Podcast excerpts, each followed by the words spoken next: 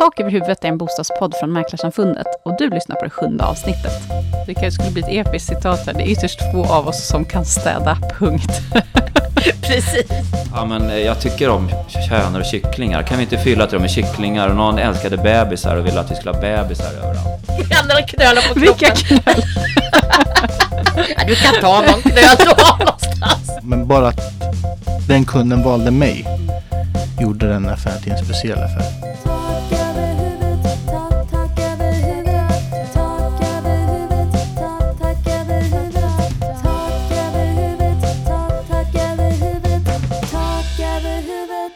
Veckans tema, det är homestyling. Hur började det? Hur funkar det? Och varför ska man använda det? Ska vi försöka svara på.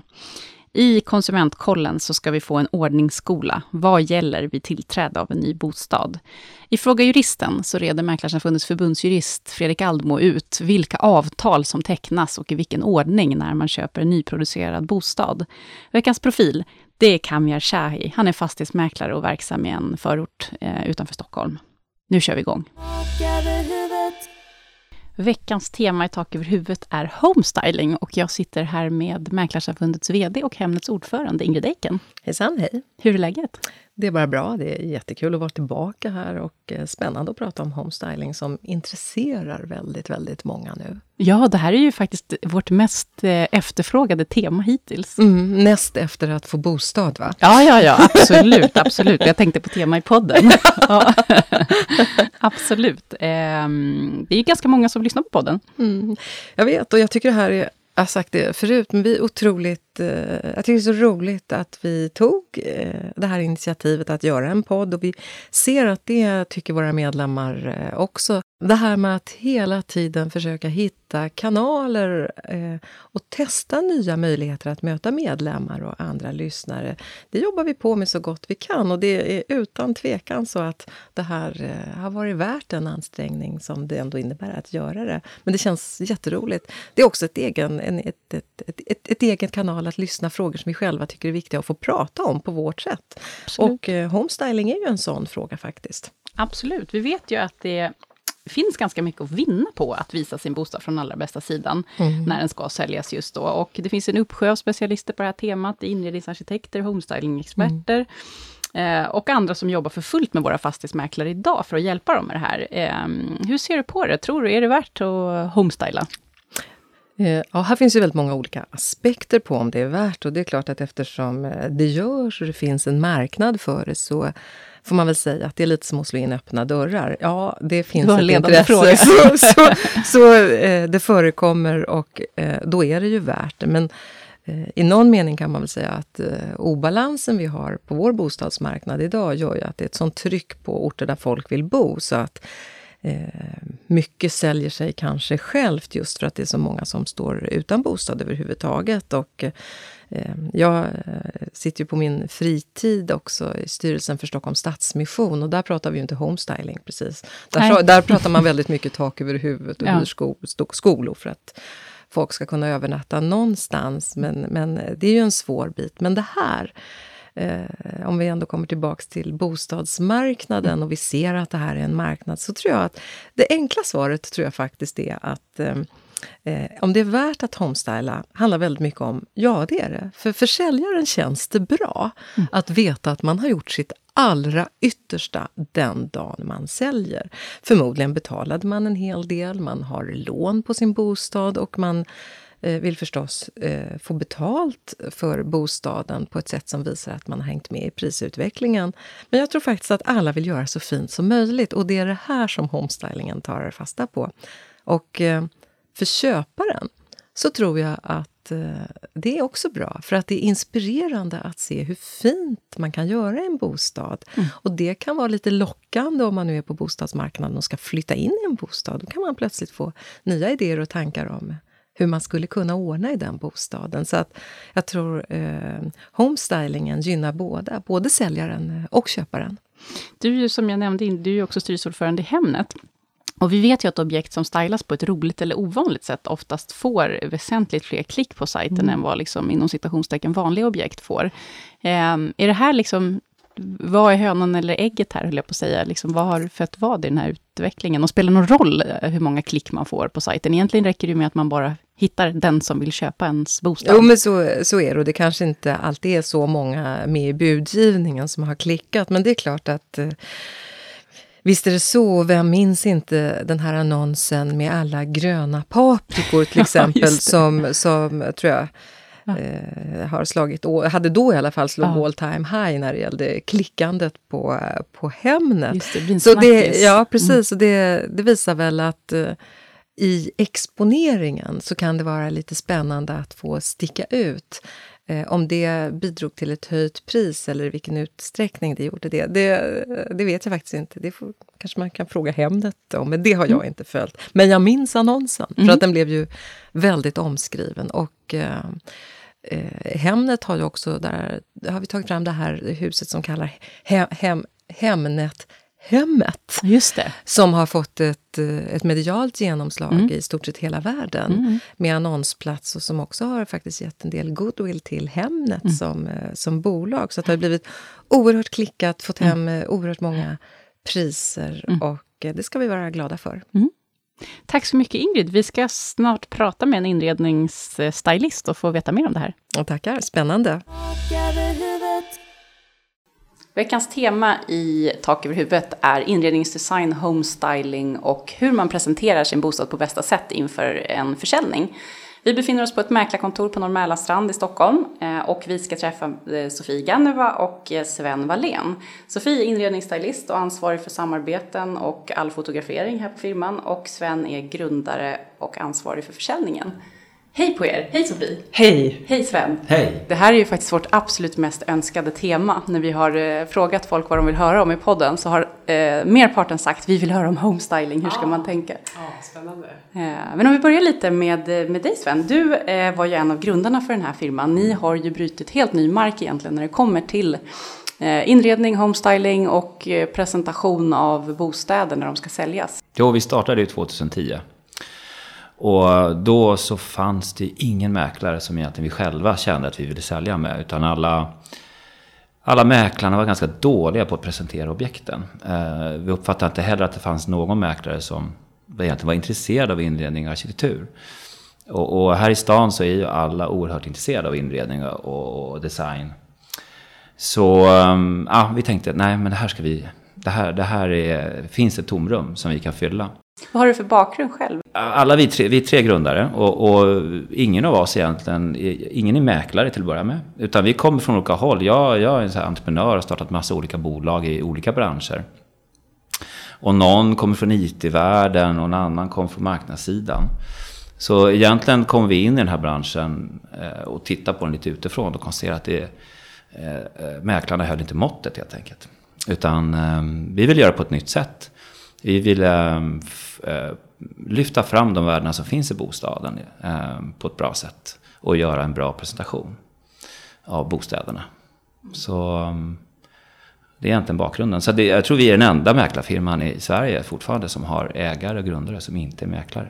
Ja, det är lite speciellt. Eh, vi får anledning att återkomma till det. Då, en av era USPA, eller det som ni tänkte på, precis som du sa, det finns ingen som eh, fokuserar på inredning, ehm, det ska vi göra. Eh, och nu har ni ju då en alldeles egen inredningsstylist här på firman som jobbar i allra högsta grad med affären, presentationen. Och det är du Sofie. Hur ser din roll ut i företaget? Hur jobbar ni? Hur får du ihop din eh, expertis här med, med bostadsaffärerna? Ja, jag jobbar ju med, eh, med stylister och fotografer eh, med våra fotograferingar och realiserar dem. Ehm, och eh, det teamet. Eh, och det är både vanliga fotografier när vi går in i lägenheter, ganska tomhänta faktiskt. Eh, en liten påse har stylisten med sig och sen skannar av och jobbar ganska kraftigt med att, att tänka annorlunda med lägenheten. Att, och räds inte egentligen för att eh, möblera om lite grann, ändra och ta bort och så vidare. Och sen så med, tillsammans med en fotograf så får vi fram en väldigt fint resultat. Ni var ju också först med att, för tidigare var det så att man kunde nästan, eh, man kunde, det var ganska förutsägbart hur man skulle göra när man skulle styla sin lägenhet. Ni började ju med ett helt nytt grepp, så som jag upplevde det i alla fall. Det var liksom obäddade sängar och det kunde ligga någon strumpa på golvet på, på fotografi. Hur tänkte ni där Sven? I början så, det var egentligen två delar i det hela. Det ena var PR-mässigt för att få komma in på marknaden så ville vi ju, vi drev lite med branschen och skojade lite. Vi fyllde ju en lägenhet med frukt till exempel. Fyllde badkaret och altanen och allting. Och, och det, Rockband i vardagsrummet. Med rökmaskin. Och det var ju mycket humor och glimten i ögat, skoja lite. Men ja, självklart också PR för att göra reklam för företaget. Då. Så, och det var väl också, eh, vi provade ganska mycket. Vi provade vad man kunde göra och hur långt man kunde gå. Så det var också en fas första två åren där vi egentligen testade gränserna, vad man kan göra, vad man inte lite med kan normerna. göra. Så. Mm. Innan vi satte konceptet lite mer. Nu är det ju lite stramare. Vi, vi leker inte på det sättet eh, idag. Eh, Nej, det som alltid har funnits med oss från början som, som är viktigt att säga det är ju att vi har alltid värnat om bilden så, och den kvaliteten. Att vi alltid har från första start jobbat med duktiga fotografer och stylister som eh, inte kanske är tagna just från mäklarhåll utan eh, kommer utifrån sina nischer. Det, det kan vara inredningsfotografer men även eh, man kan fot- vi har fotografer som fotar sport och skidor och mode och så vidare. Och de kommer in då med sin inspiration till, till oss. Så vi har ju hämtat inspirationen både från mode, film eh, och så vidare. Och det är så ni presenterar bostad. Hur ska man tänka då som konsument när man ska sälja? För att det är klart, som du var inne på Sven här, det finns ju ett väldigt stort, i alla fall i storstadsregionerna, ett stort intresse för inredning och design. Eh, är ju min upplevelse också. Hur ska man tänka som konsument då? Vad, eh, hur vet man liksom hur man presenterar sin bostad på, på bästa sätt? Kanske i och för sig en bättre fråga till dig sen. Vi har tänkt på det här och det, det, det som är viktigt är att man känner att man har trovärdighet eh, för den mäklare som, som man anlitar. Eh, och sen att vi vet att vi kan göra det här jobbet på bästa sätt. Vi, vi har ju under alla dessa år utvecklat en en väldigt fin modell på hur vi jobbar tillsammans. Eh, vi börjar till exempel alltid såklart att mäklaren kommer in och gör ett besök men också den stylist kommer också med, har tagit sig an uppdraget kommer också in före fotograferingen. Och där pratar med säljaren om bostaden och hur man tänker och, och lite vad vi känner att vi vill göra. Så att kärnan liksom för varje hem kommer fram. Ehm, Det är lite som, det har också hämtat från reklambranschen. Vi vill nästan ta fram ett moodboard för varenda bostad. Vi ser ju varje bostad som en produkt som ska säljas. Eh. Så vi gör ju en, en, en liten marknadsplan och en moodboard. Och det här gör vi ihop med säljarna. Eh, och där tror jag vi var först att tänka så. Att, att, eh, att liksom varje lägenhet är en produkt som ska säljas. Så vi måste göra en plan. Eh, och där, det är det här teamet som vi har en massa olika steg. Så att jag tror som säljare så tror jag det är viktigt att, att man känner en trygghet att man verkligen har någon som lyssnar, att man har någon som förstår. Eh, och sen att det är då proffsanvändarna som, som kan omsätta det här i en, en bra presentation. Och det, det är som det du säger. Och här har vi en, gjort en process för liksom, alla de här stegen. Du sa att ni experimenterar mycket i början. Händer det att någon eh, säljare liksom blir förbannad och tänker så här, jag hade inte tänkt att det skulle vara så här 228 äpplen i mitt badkar, det var inte det jag såg framför mig. Ja men de gångerna vi har tokat till det så har vi gjort det med dem. För det är snarare så att kunderna eller hushållet Ja, kommer ibland med, absolut. Ja men eh, jag tycker om könor och kycklingar. Kan vi inte fylla till dem med kycklingar? Och någon älskade bebisar och ville att vi skulle ha bebisar överallt. Vi har fått alla möjliga olika förslag men också de gånger vi har gjort någonting storslaget så har det varit tillsammans med säljaren. Eh, och, och, så där känner vi att eftersom vi har den här bra, den här processen som vi jobbar efter så känner vi oss också att vi är väldigt trygga i det vi gör. Finns det något samband här då mellan, det är väl alltid svårt att isolera en faktor, men får man bättre betalt om man eh, har en obäddad säng och 250 äpplen i badkaret? Ja, men, och det, det här är ju så svårt för att det säljs ju aldrig två exakt likadana bostäder samtidigt. Så att jag har inte ett exakt svar. Vi vet ju att eh, man klickar mer och vi har gjort forskning och undersökningar på det här. Man klickar mer på en bild som man uppfattar som spännande och väldigt fin. Uh, och vi, vi får dubbelt så många klick som uh, den vanliga mäklaren. Och det kan vi enbart förklara med bilden, bildens kraft. Så att uh, klart att bilden och presentationen gör att fler ser. Och ser fler så kommer det fler på visningen. Och, ja, då, då, och då säljs det bättre. Så den, den logiken finns där, den, den kan vi påvisa. Um, sen så, sen så i syvende och sist så måste man ha en mäklare där man måste kunna leva upp till det man har lovat i annonsen och allt det här. Uh, men eh, helt klart att en bra presentation lockar fler till visningen. Vilket gör bästa förutsättning för mäklarna att verkligen kunna sälja bostaden.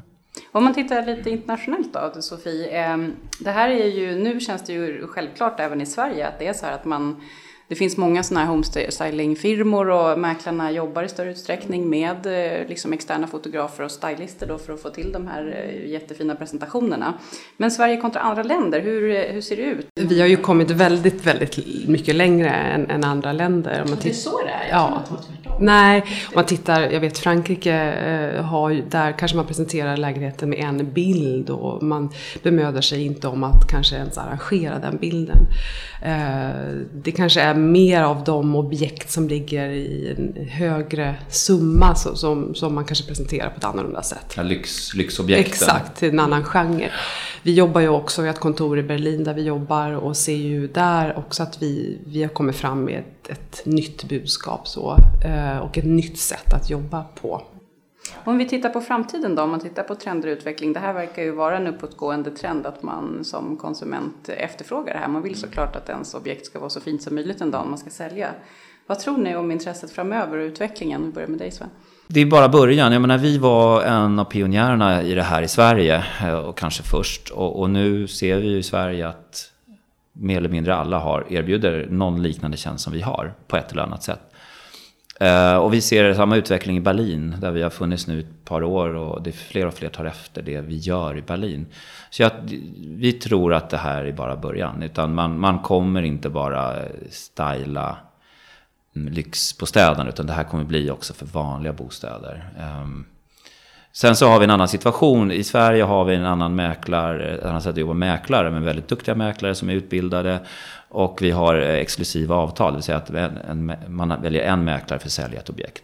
I, på kontinenten har man ofta flera mäklare, det vill säga att det är inga exklusiva avtal. Och det gör ju att, eh, har man fem mäklare på ett objekt, det är klart att var, alla de kan ju inte lägga ner den tid och mödan som vi gör. Eh, Så att jag tror det, det, det, vi har den här utvecklingen, ja, men det är också en förändring av branschen i Europa lite grann mot hur vi jobbar i Sverige. Mm. Vad säger du då Sofie, hur ser trenden ut framöver? Precis som Sven säger, vi, vi har, det finns väldigt många mäklarfirmor som erbjuder styling på något sätt idag. Eh, vi tycker ändå, vi har funderat mycket om det här ordet styling och stylist egentligen, vad det är. Eh, och i det hänseendet tycker vi egentligen att vi, vi gör no, någonting mer och djupare i våra, i våra objekt än vad, än vad andra gör. Eh, vi tänkte ett tag, ska vi förbjuda ordet styling Vi måste komma på något annat ord som... Ja, lite så. För att vi tycker att, att vi, vi levererar någonting helt annat. Vi tänker så mycket djupare för varje objekt än att bara kanske addera någonting till en soffgrupp till exempel. Då skulle jag snarare säga att vi kanske tar bort, att vi ändrar och möblerar. Och sen den här viktiga biten också till, som vi har tillsammans med fotografen. Det, vi jobbar i ett team och vi jobbar en hel dag med ett objekt. Eh, så att vi vill betona också fotot väldigt, för annars så kommer man inte så mycket längre om man bara egentligen man kan lägga till några kuddar och lite ljus och lite frukt och det känns fräscht. Men har man ett dåligt foto till det så... Spelar inte det så stor roll? Det vet jag själv hemma ibland när jag försökt få till någon sån här Instagram moment. Jag tycker Ja, själv det är jättemysig fredagkväll och så tar jag ett foto och känner på att det här var inte, gjorde var det inte rätt. Det var inte alls den feelingen Ja, jag ville få fram. Nej, jag, jag, jag kan ju hävda att fotografen är ju på ett sätt viktigare för att en, en halvtaskig stylist, för en fotograf kan rädda en halvtaskig stylist, men inte tvärtom. För det Så- ser jag ofta när jag tittar runt hos andra mäklarfirmor. Man ser att här har det varit någon som har petat i möbleringen. Det har varit en styling. Och jag kan se också spår och intryck från vad vi kanske har gjort tidigare. Men så är det ett foto som dokumenterar bara det här. Så. Eh, Och då faller egentligen hela känslan för det. Det är därför vi har valt också då att jobba med att ha eh, an, äh, stylister, fotografer, mäklare och marknadsförare anställda. Mäklare drivs ju av affärer och, och, och, och det kreativa gänget drivs av helt andra värden. Så det har varit ett väldigt stort jobb genom åren att få ihop eh, de här grupperna och samarbeta och jobba tillsammans och förstå varandra. För att det är ju liksom tre perspektiv alltid när man säljer en bostad. Det är, det är ju ett, man har ett antal värden och mäklaren har en viss syn på det, eh, de som säljer har en viss syn på det, man har en målgrupp som man vill nå. Och sen så måste man ju presentera det här som du säger. Det går ju inte bara att gå med sin kamera och plåta utan sen ska du presentera de här värdena som attraherar den här målgruppen på rätt sätt. Och då blir alla de här fyra eh, grupperna, eh, personerna behövs i det här för att annars det faller. Alltså, eh, har vi usel marknadsförare, en dålig fotograf så blir det pannkaka. Om man tittar på, om vi ska vara lite, bli lite filosofiska då. Vi Ja. vet ju, vi träffade Hemnets VD Mats Brandt för, i förra avsnittet och eh, han vittnade ju om att det klick har ju aldrig varit så många klick och så många besökare på Hemnet som under 2015 och det bara stiger hela tiden. Och det är klart att intresset för heminredning, bostadsbrist, eh, många sådana där saker speglar ju klicken på Hemnet och såklart då att man har fina bilder då som ni har. Men tror ni att det finns någon annan, eh, någon annan förklaring till att människor är så otroligt intresserade av sina hem och av bostäder? Jag har ju inga planer på att flytta till exempel men jag är ju på Hemnet ett par gånger om dagen minst. Vad, vad tror ni att det speglar? Finns det något annat där? Ja, jag tror att det, det, det är ju en väl, alltså för mig det är ju ett fenomen i storstäderna. När jag berättar vad jag gör för min, mina bekanta och släkt ute på landet så de förstår ju inte ens vad jag pratar om. Eh, Så det här är ju någon typ av välfärdsfenomen. Vi i storstaden, vi har både pengar och tid kanske att lägga på det här. eh, Som andra tycker bara är helt förgängligt och ytligt. Ehm, Så jag, jag tror det är... Fast det har ju fötts fram också faktiskt. För att där var ju, vi var ju med att smälta ihop mäklarbranschen och mäklarfotot tillsammans med egentligen inredningsvärlden. Så, Ehm, och föra ihop de här. Och våra, många går in i sociala medier och tittar och inspireras av våra bilder. Just kanske inte bara för att köpa en bostad som, som du nämnde utan Även att, att om man letar efter en viss matta eller en viss eh, lampa som man inte är intresserad av så går man in och, och söker och tittar på bilder och då kommer våra bilder ofta upp. Så att egentligen det här sättet att, att man inspireras och tittar på bilder det är en del av dagens shopping. Så. Ja, men hur man konsumerar rent allmänt. Och man vill gärna ha någon annans eh, rekommendation också. Sådana sajter ser vi typ Tripadvisor och sådana här ratingsajter där man eh, ger betyg till saker man har köpt. Och jag tror att för vissa så har, är vi ett sån, har vi med en viss sak och, puff, och, och ett visst samarbete så är det en, en, en, någon typ av stämpel för att det är kvalitet eller att det är bra. Uh, och vi märker det ja, ja, på något sätt. Och vi, märker, alltså vi har ju möbeltillverkare och accessoartillverkare står ju på kö för att få låna ut saker för att ha med i våra bilder. Så, eh, de, och vi, hade, vi har haft flera, sam, flera som kom tillbaka. Så att vi märkte när vi hade den här stolen med i en bild i er annons så ökade försäljningen fördubblades under veckan efter. Så att eh, det finns ett klart samband eh, med det vi gör, den spridningen bostadsannonserna får. Eh, så att vi har jobbat ju väldigt nära möbel och industrin och inredningsindustrin. Om man ska bli, jag tänker om vi skulle bli lite mer handfasta om man tittar på, ni som jobbar här är ju som sagt experter, ni har ett koncept som är unikt. Men om man skulle ge några enkla tips till en lyssnare här som eh, som kanske tänker att det där kan jag väl eh, göra själv. Man får ju förstå att man får ju inte er fantastiska produkt, men man kanske kan göra någonting för att eh, presentera sitt hem på bästa sätt. Vad skulle du säga Sofia om du skulle ge liksom ett par, tre tips? För vi jobbar ju så att vi jobbar eh, inför fotografering och det är bilderna som vi egentligen eh, arbetar med och, och arrangerar. Och sen så är det en annan grej sen när det kommer till visning. Så det är två skilda saker. Vi, vi producerar bilder för att vi vill skapa drömmen eh, att bo här, vi vill hitta rätt människa som, som gillar det här området, den här livsstilen, den här lägenheten och så vidare.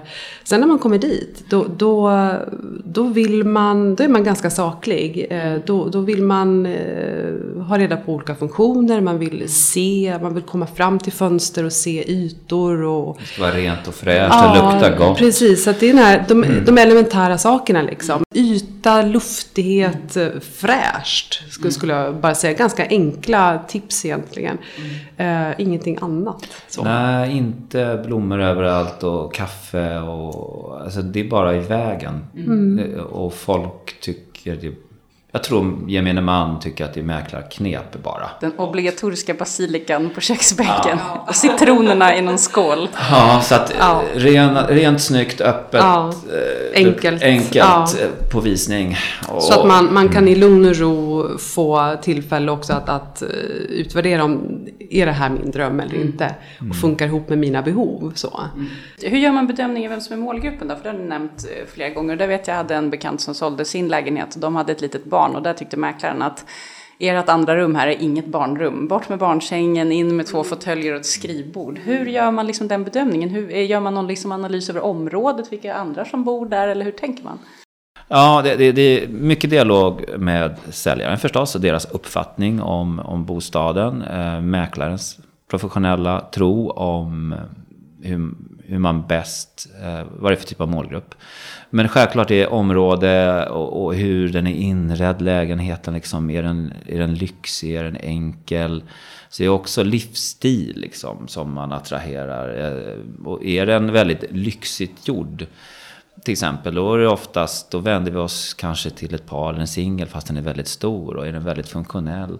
Så det, det, det är väldigt många faktorer, men det här är ju någonting som mäklaren står väldigt mycket i centrum av och diskuterar med Barn, möbler och så vidare kan ju egentligen låsa kanske för en annan målgrupp. Så, så, att, så att det, det handlar ju om att öppna upp sinnena, funktioner och användningen av, av ytor och rum egentligen. I Berlin så vi, provade vi en, vi hade en, sålde en stor lägenhet på 300 kvadrat som var tom.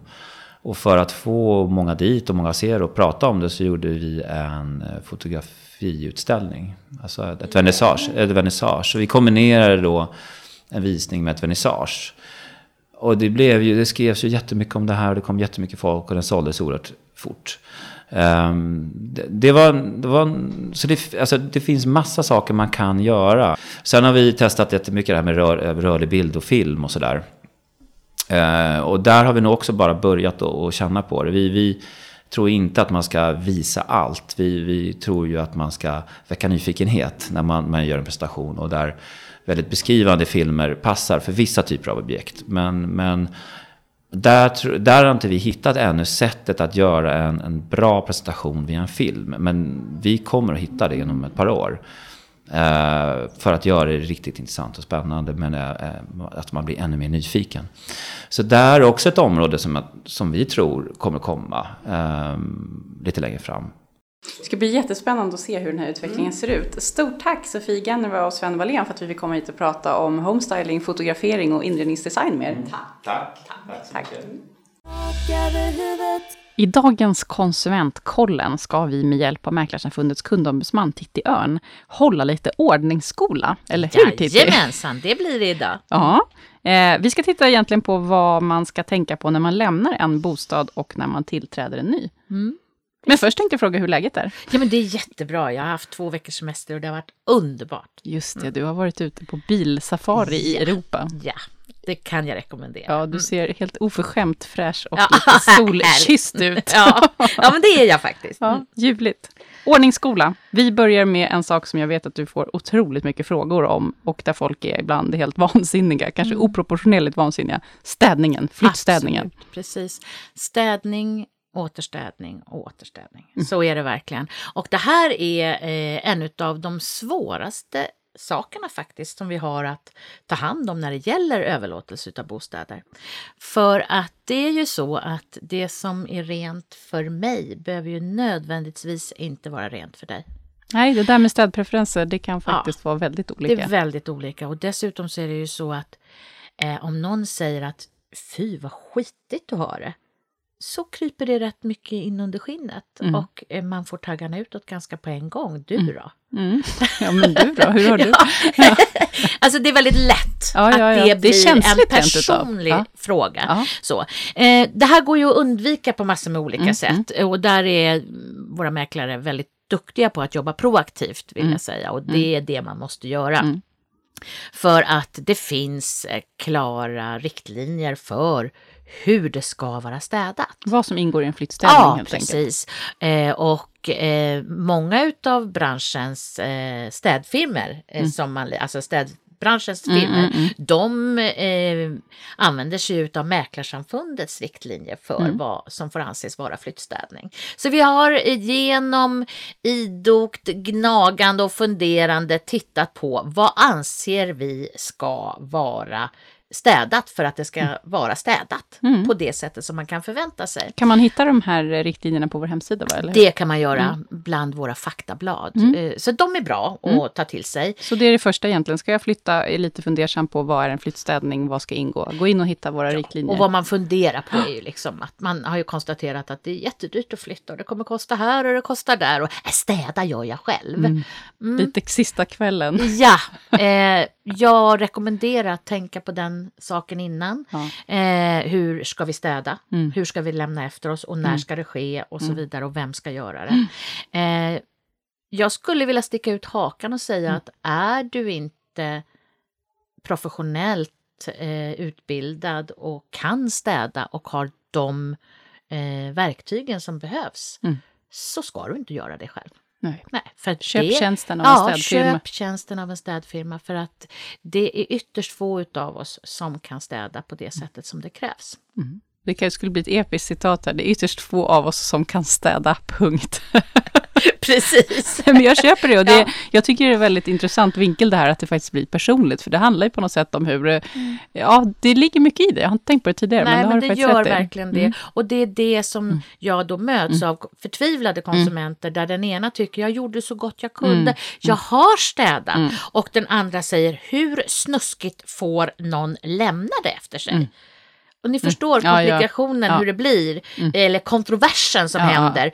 Dessutom har man precis flyttat. Helt Man är, liksom. Armarna hänger vid knölarna. Det var sju lass fler än vad man trodde. Fotknölarna Ja, vid fotknölarna menar jag. Vilka andra knölar på Ja. Vilka kroppen? knöl? Ja, du kan ta någon knöl du har någonstans. Men hur som helst, ar armarna är långa att- och sju lass fler än vad du trodde och så vidare. Och, och, så att man är inte i bästa form Nej. för att ta det här samtalet. Vad ska man göra då? Om det nu ändå skulle vara så. Säg att jag ska flytta in i en lägenhet och det är bara det framgår med allsköns tydlighet att det är ingen städfirma som har städat här. Nej. Jag tycker inte att det här är en bra flyttstäd. Vad gör jag? Ja, du ska kontakta säljaren på Mm. en gång och tala om att jag anser inte att det här är tillräckligt bra. Jag anser inte att det är flyttstädat som jag har haft anledning att förvänta mig. Eh, och eh, försöka att få det åtgärdat Mm. så snart som möjligt. Alternativt, eh, om, oftast är det så att tiden är problemet. Mm. Det står en flyttbil nere på gatan och några som ska bära in. Va? Just det, och så, Så kommer jag in och ser, oj det här var inte Det städat. här är inte så att hur ska vi rent liksom praktiskt få det här att fungera? Mm. Och då kanske det är så att i, man kan, kan i alla fall tänka i de banorna.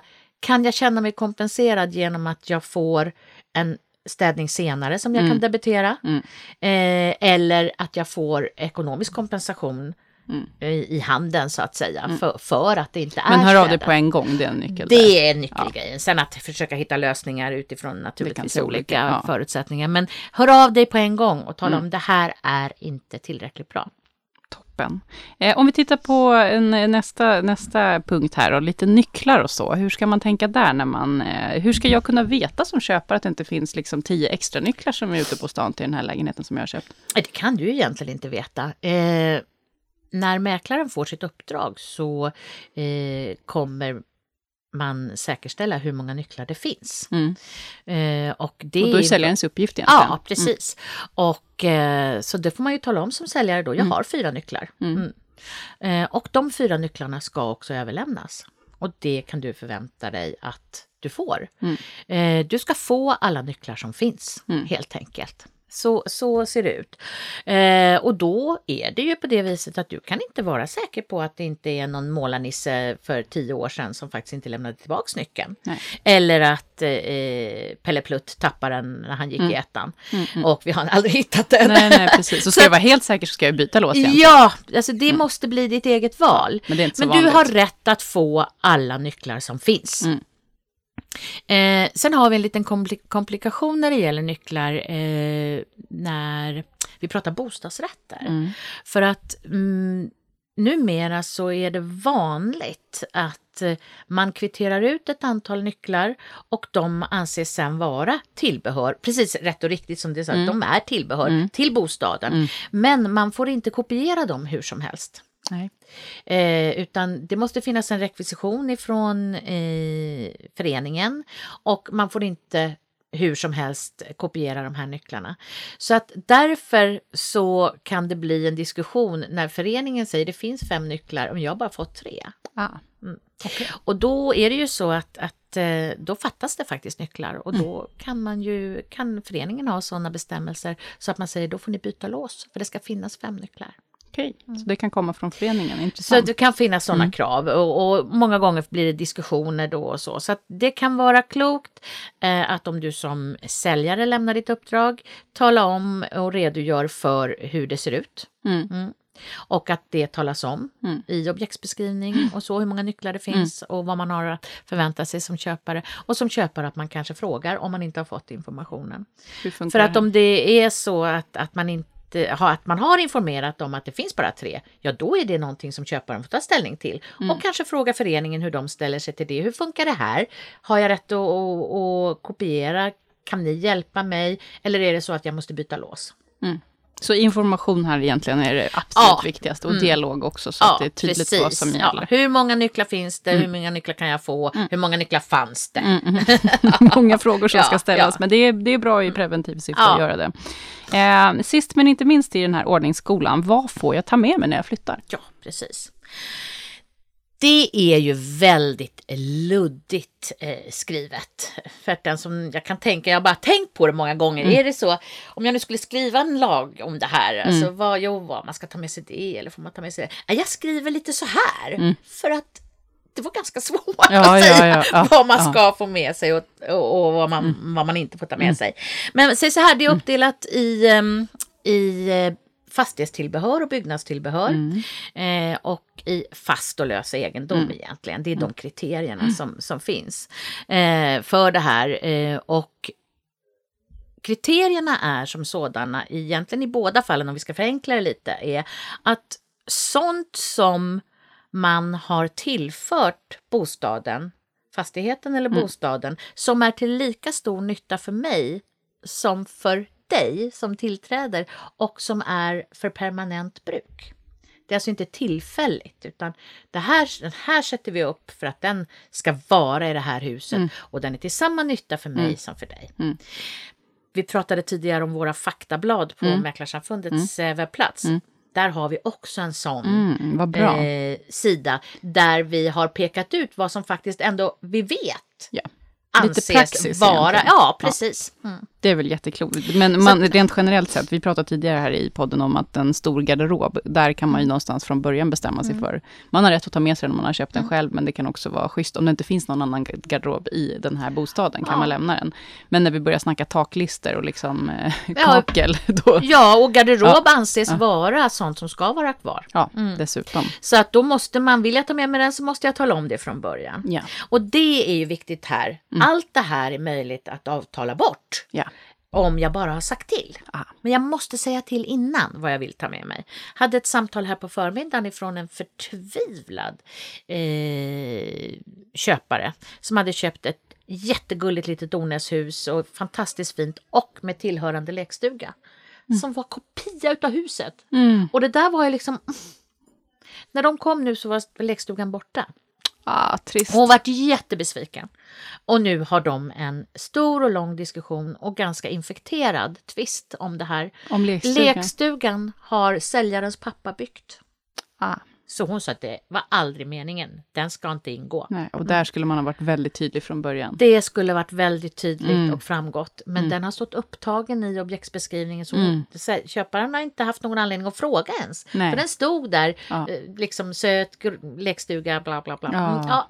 Så att det här är en viktig del. Så som säljare, tänk efter för vad vill jag ta med mig? För allt jag vill ta med mig kan jag faktiskt ta med Mm. Mig om jag bara tydlig. säger till.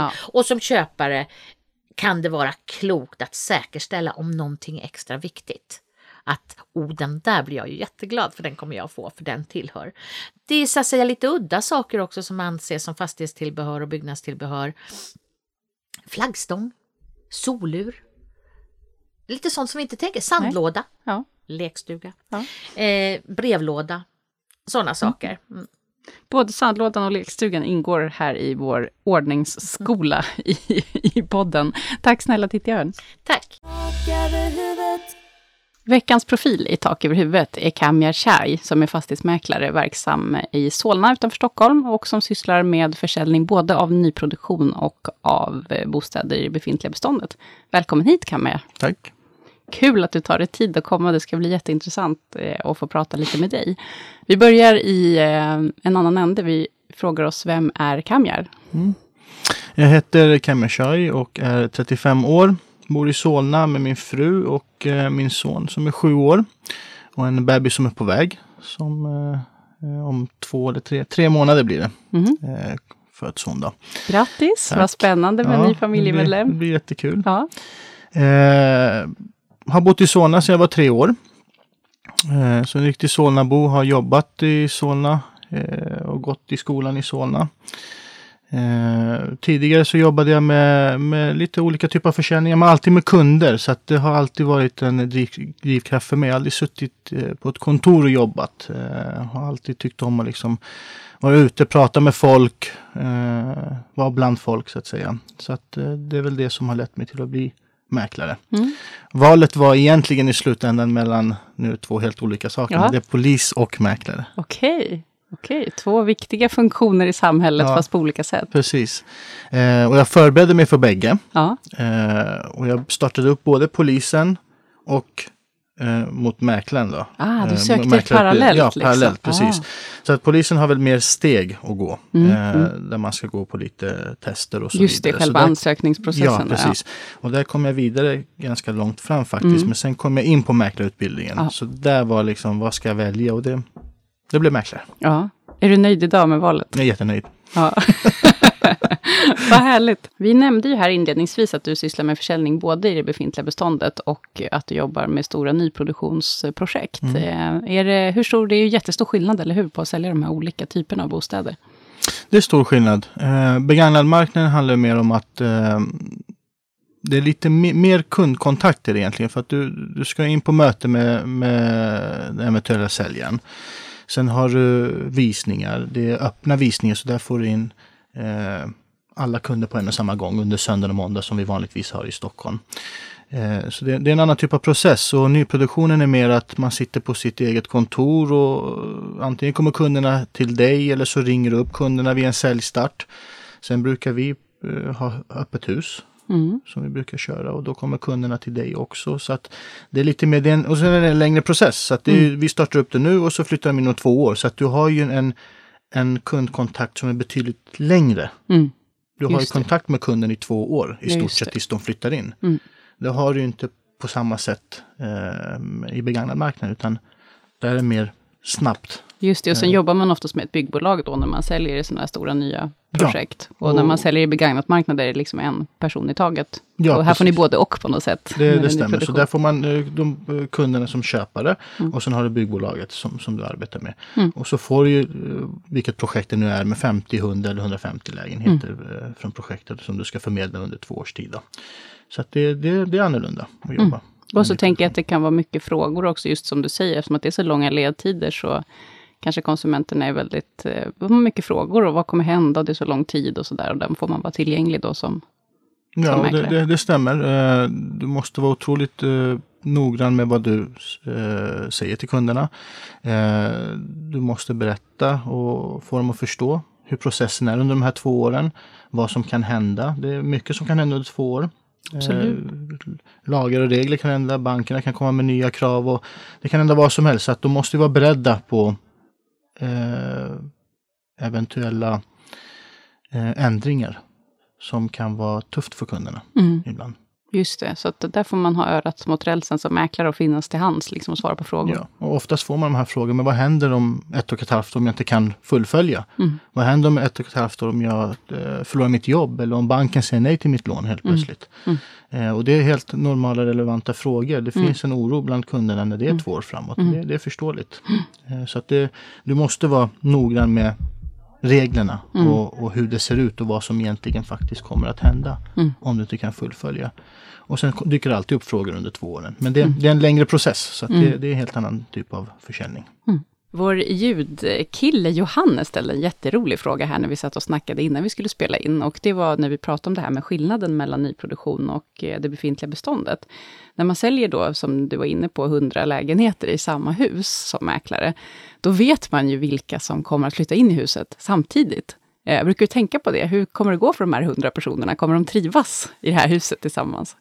Ja, det är klart, eh, den, den eh, frågan dyker upp ibland också när man träffar. Man är mer, man, man är mer fokuserad på att, eh, på att sälja och vara kunden till lags egentligen.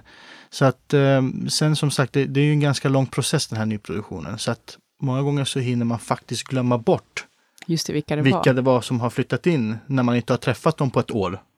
För sen kommer ju kanske upplåtelseavtalet ett och ett halvt år senare. Och då minns man, ja just det, det var ju de här som skulle flytta in. Men, men det är kul att se all eh, den här blandningen av olika typer av människor som eh, mixas ihop. Mm. I en byggnad så. med 146 lägenheter, till exempel nu i det senaste projektet.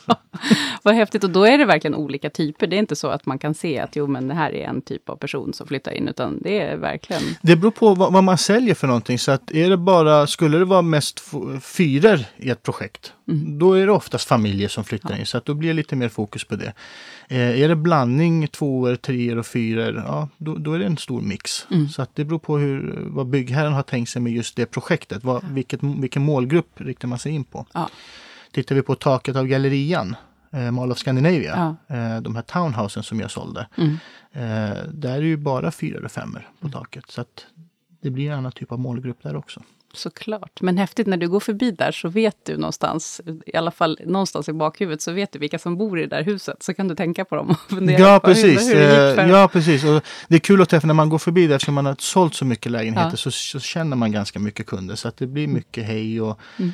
kul att se när man ser dem i porten när man ska ha visningar nu på eh, i begagnad marknaden Mm. på, på nyproduktionen så att Ja. säga. Eh, så att det, det är jätteroligt. Jag var faktiskt på Mall of Scandinavia i söndags, jag såg er skylt där på trappan. Så det var någon visning på gång där. ja, vi visar ju ganska mycket där Ja. också nu eh, när folk börjar säga, för det är, en stor, ruljans Ja. i arenastaden. Det är ju ganska mycket lägenheter nu som är klara. Eh, har du någon sån affär som du har gjort under dina år som fastighetsmäklare som du tyckte var särskilt lyckad eller som du kommer ihåg? ehm, av någon anledning. Ja, det har varit ganska många trevliga affärer, men en som jag tycker om ganska mycket, det var en sekelskifteslägenhet eh, lägenhet på Råsundavägen. Mm. Ja, det finns jättemycket fina Ja. lägenheter där. Eh, och det var min första. Ja. Så att det var min första kundbesök på en sån typ av lägenhet. Eh, så det var ju spännande och jag var spänd. Och kunden hade tagit in sju mäklare inklusive mig. Och du fick helt enkelt uppdraget. Jag fick uppdraget. Ja. Eh, och det i sig självt, eh, sen gick affären och allting bra. Men bara att den kunden valde mig Mm. gjorde den affären till en speciell affär. Stort tack eh, för att du kom hit, Kamia Shahi. Tack! I veckans avsnitt av Fråga Juristen så ska Mäklarsamfundets förbundsjurist Fredrik Aldemo hjälpa oss att bena ut hur mäklarens skadeståndsansvar ser ut. Hej Fredrik! Hallå, hallå, hej. Hur är läget? Jo då, det är bra, det är bra. Taggad på att snacka lite skadeståndsansvar? Ja, det kan man säga. Eh, Det här är ju faktiskt inte... Dels är det viktigt att förstå hur det funkar här, skulle jag säga, ur ett konsumentperspektiv. Och dels är det viktigt att få faktan rätt, för det finns en del eh, missuppfattningar i det här. Ja, det finns väldigt många eh, myter om mäklares ansvar för olika saker och hur vanligt det är att mäklaren gör fel och hur stor marknad egentligen det finns för att driva processer mot mäklare. Just det, för att eh, tittar man, läser man kvällstidningarna framförallt, så skulle man kunna tro att det är extremt lukrativt att processa mot mäklare, för de gör ju fel hela tiden. Ja, det, man kan lätt tro det, men eh, om man tittar på hur många jurister vi är i Sverige som faktiskt är riktigt bra på det här med eh, mäklarrätt, så eh, skulle jag vilja säga att vi är väl ungefär 15-20 stycken. Ja, och som av en händelse så är hälften av de här på Mäklarsamfundet. Ja, lite så. Lite så. Sa han ödmjukt. Nej, men det är en viktig poäng faktiskt. För skulle det vara så att det stämde, den här bilden man får, kanske i media, så borde ni vara betydligt fler, eller hur? Det kan man lugnt utgå från. Hur vanligt är det då att eh, man, för det här kan man också hålla isär, vi kanske ska börja med, innan vi utreder hur vanligt det är att det blir twister, så kanske vi ska eh, reda ut några små distinktioner här i början. Antingen så kan man ju reklamera själva tjänsten, Mm. mäklartjänsten, eller så kan man på något sätt utreda om mäklarna brutit mot lagen. Det är väl de två benen som... Precis, det, finns, det är väldigt viktigt att hålla isär det här. För att en mäklare kan ju ha eh, uppgivit fel boarea, till exempel, i en bostadsrätt. Och det kan ju ha lett till en skada. Men sen kan det också vara så att mäklaren har eh, skrivit fel datum i sin journal, va? mäklarjournal. Och det där är ju helt olika konsekvenser. Fel i boarean, om mäklaren gjort fel, ja det kan leda till att man får betala pengar. Eh, fel i journalen, ja det innebär att du får en eh, påföljd, oftast erinran Ja, hos... det är ett eh, lagbrott. ja, det första är slarv och det andra är lagbrott. Det är väldigt Precis, stor ja skillnad. så kan man säga. Så kan man säga. Ehm, Så det är den första liksom, klargörandet här, att det, liksom, det beror lite på vad vi snackar om här. Antingen kan det vara rena lagbrott som ska utredas, eller om man är missnöjd som konsument med tjänsten Ja, man har köpt. Precis. Eh, hur vanligt är det överhuvudtaget att det uppstår liksom, meningsskiljaktigheter i bostadsaffärer? Om man ser till antalet affärer och, och om man ser till mm, antalet ärenden som, som vi får in då. Så om man ska räkna väldigt, väldigt ovetenskapligt på det här så kan jag säga att det är väl ungefär en på tusen. Där det överhuvudtaget uppstår något missnöje, eller där det blir diskussion liksom, mellan... Ja, men precis. Där det, där det framställs ett ekonomiskt krav mot, Mm. eh, mot mäklaren. Just det. Och om jag då är, vi säger att jag har köpt eh, mäklartjänsten, jag ska sälja min bostad här, och så eh, när allting väl är klart och jag har fått min bostad såld, så är jag jättemissnöjd. Jag tycker inte att den här mäklaren har levt upp till vad jag trodde att jag kunde förvänta mig av mäklartjänsten. Eh, vad skulle du säga att jag ska göra? Hur ska jag gå tillväga? Det första du måste göra, eh, och det här är ju grundläggande, det är A och O faktiskt, det är att du måste framställa en reklamation mot mäklaren. Mm. Och, och i den här reklamationen ska du påtala vad är det du tycker att mäklaren gjort fel och vad har det lett till för eh, konsekvenser. Mm. Och om man inte gör det här i rätt tid eh, och hur lång tid man har på sig, det, det varierar lite från fall till fall. Va? Men om man inte gör det inom skälig tid som lagtexten säger, ja då har man ingen rätt att komma med någonting sen. Nej, utan på en gång. Det här ska jag ta tag i på en gång. Liksom. Ja. Och hur, finns det liksom färdigtryckta blanketter som jag hittar någonstans, eller räcker det att jag bara dokumenterar på det här sättet som du säger? Inga blanketter, utan det räcker faktiskt med ett, eh, ett mejl. Mm. Eh, Och vem ska jag vända mig då till? Direkt till mäklaren Direkt till mäklaren, ja. Ja. Precis, precis. Och vad händer? Säg att jag skriver ner nu så här att, ja, nej, men jag tycker, jag tycker det var fula, fula bilder i annonsen, jag tycker du skrev konstigt i objektsbeskrivningen, jag tycker att du eh, var slarvig på visning. Ja, jag har ett antal liksom, saker Ja. som jag tycker. Och så skriver jag ner det och så gör jag själv en uppfattning där jag säger så här, jag bedömer att jag fick eh, 300 000 mindre för min lägenhet på grund av det här. Så det vill jag att du betalar mig. Ja. Eh, I en sån scenario då så eh, vänder man sig till mäklaren, skickar in det. Därefter så eh, kontaktar mäklaren eh, som huvudregel oss direkt, kan Mm. jag säga. Eh, För att få hjälp. Och det uppmuntrar vi dem att göra, eller Ja, hur? det måste de göra. Ja, ja. Eh, De måste vända sig hit eh, Ja. om de har vår försäkring. Det finns lite olika försäkringslösningar runt om i, runt om i landet, vad kan jag Mm. säga. Men absolut största majoriteten så är det hit Just det, och det där är viktigt som konsument att veta att alla verksamma mäklare i Sverige måste ha en ansvarsförsäkring. Ja, för annars får det inte vara mäklare. Mm. Nej, precis. Så det finns ett konsumentskydd i det. Ja, att när du ja. väl vill reklamera tjänsten så finns det en försäkring som du faktiskt, om det skulle gå så långt, kan stämma. Precis, precis. Eh, Okej, så då hör mäklaren av sig hit. Vi tittar på det här och Mm. vad händer? Våra jurister gör, du med dig i spetsen, gör någon sorts bedömning av det här. Det som händer är att vi eh, läser igenom materialet. Ibland pratar vi med konsumenten direkt. Och sen pratar vi naturligtvis med, eh, med mäklaren. Sen sker det då en anmälan till berört försäkringsbolag. Och sen så eh, gör man en bedömning helt enkelt. Har mäklaren gjort fel? Har konsumenten drabbats av en skada? Och finns det någon koppling mellan det här felet? För det kan ju som sagt vara så att man gjort fel i en journal, men det har ingen koppling till den skada som man gör eh, gällande. Om de kriterierna är uppfyllda och eh, det framstår som, som utrett eller bevisat att ja, men det här eh, skulle den här köparen eller säljaren, konsumenten, gå till domstol, ja då, då kommer vi nog förlora det här. Eh, och då har man en dialog med försäkringsbolaget och säger att okej, det här ser inte så bra ut.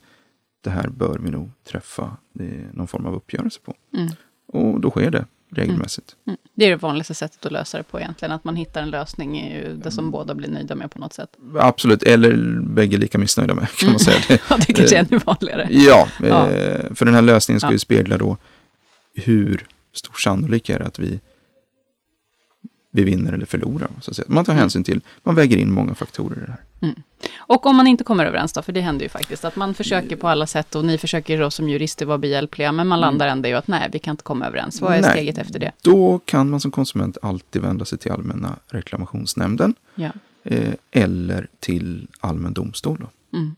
Och vad händer då? Jag går och då har jag pratat med min mäklare, jag har mejlat, jag vet att mäklaren har varit i kontakt med Mäklarsamfundets jurister, men vi lyckas inte enas. Jag som konsument går vidare då till ARN, Allmänna reklamationsnämnden. Vad händer där då? Där så inleder man då ett skriftligt förfarande och eh, det innebär egentligen att man gör en anmälan dit, man påtalar vad man tycker har varit fel och återupprepar mycket av, sin, eh, av sin, eh, sitt krav. Då. Mm. Sen skickar man in eh, skrivelser till eh, ARN och sen efter en tid, och det kan ta ett tag, det kan ta ett halvår upp till ett år, eh, ibland längre, eh, så kommer ARN med ett beslut som säger att antingen att man avslår kravet Mm. eller att man rekommenderar mäklaren att eh, betala x kronor till konsumenten. Just det, så att, och här är det väl viktigt också att göra skillnad då på ARN, som är Allmänna reklamationsnämnden, och FMI, som är Fastighetsmäklarinspektionen. För där har vi pratat tidigare i podden om just FMI, och att man kan vända Mm. sig dit också om man är konsument. Ja. Vart ska man vända sig, vad tycker du? Jag kan säga så här, eh, jag varken kan eller får några synpunkter på var man vill vända sig. Eh, för det, det det måste man bestämma själv. Ja. Men om man vill ha pengar, Mm, om det är då det är det det, ju, då, vilket det brukar vara, eh, då är det ju Allmänna reklamationsnämnden som ska titta på det. Mm. Eh, och Och väl- där ska vi vara tydliga med att det är ingen garanti att man får pengar för att man hör av sig till ARN. Men jag- om det är det det handlar om. Ja, om det Ja. är det det handlar om så Ja. är det ju den, ja, Statistiskt sett så kan man säga så här, och det här har vi räknat på, så är det alltså framgången för konsumenter i de fall man får helt eller delvis bifall. Då, det är alltså 3 procent. Vilket innebär att man kan utgå från att har man fått ett brev från oss där man har eh, sagt att nej, det blir inga pengar. Nej, Sannolikheten att du får rätt i Allmänna reklamationsnämnden, är väldigt lite. den är väldigt, väldigt Ja. liten. Just det, för här är vi faktiskt, våra jurister här är experter på det här och om ni gör bedömningen att tyvärr, det här, är liksom, det här funkar inte, då kommer ARN inte att... De kommer väldigt sällan göra en annan bedömning. Det är väldigt sällsynt. Det är väldigt Mm. Toppen. Eh, det här är väldigt eh, tydligt och bra tycker jag. Eh, är det något du vill tillägga som du tycker att vi har eh, missat och frågar om? Nej, det är egentligen det som eh, man ska ta med sig som konsument. Det är Mm. egentligen att reklamera i rätt tid. Mm. Eh, ha en dialog med din mäklare. Och får man ett nej härifrån, då finns det en överprövningsmöjlighet. Allmänna reklamationsnämnden. Man kan vända sig till ett ombud som kan gå till domstol. Eh, sannolikheten att man får rätt då, om man fått nej härifrån, den är väldigt, väldigt, väldigt, väldigt liten. Och någonting som vi faktiskt har, som man avslutande kan säga, faktiskt som är viktigt, det är att eh, vi har haft fall där konsumenter har fått nej härifrån, sprungit till en advokat eller liknande som utger sig för att vara expert på mäklarrätt och har drivit en väldigt dyr process till ingen nytta Mm. för konsumenten.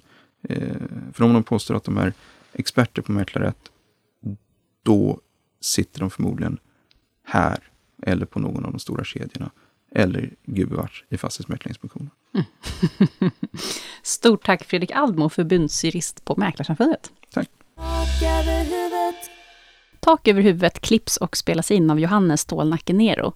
Musiken är gjord av Ellen Stålnacke Nero och avsnittsbilden och grafiken är gjord av Karina Vikaby. Caroline Berg är fotograf och jag heter Josefin Uppling. Jag hoppas att vi hörs igen nästa vecka.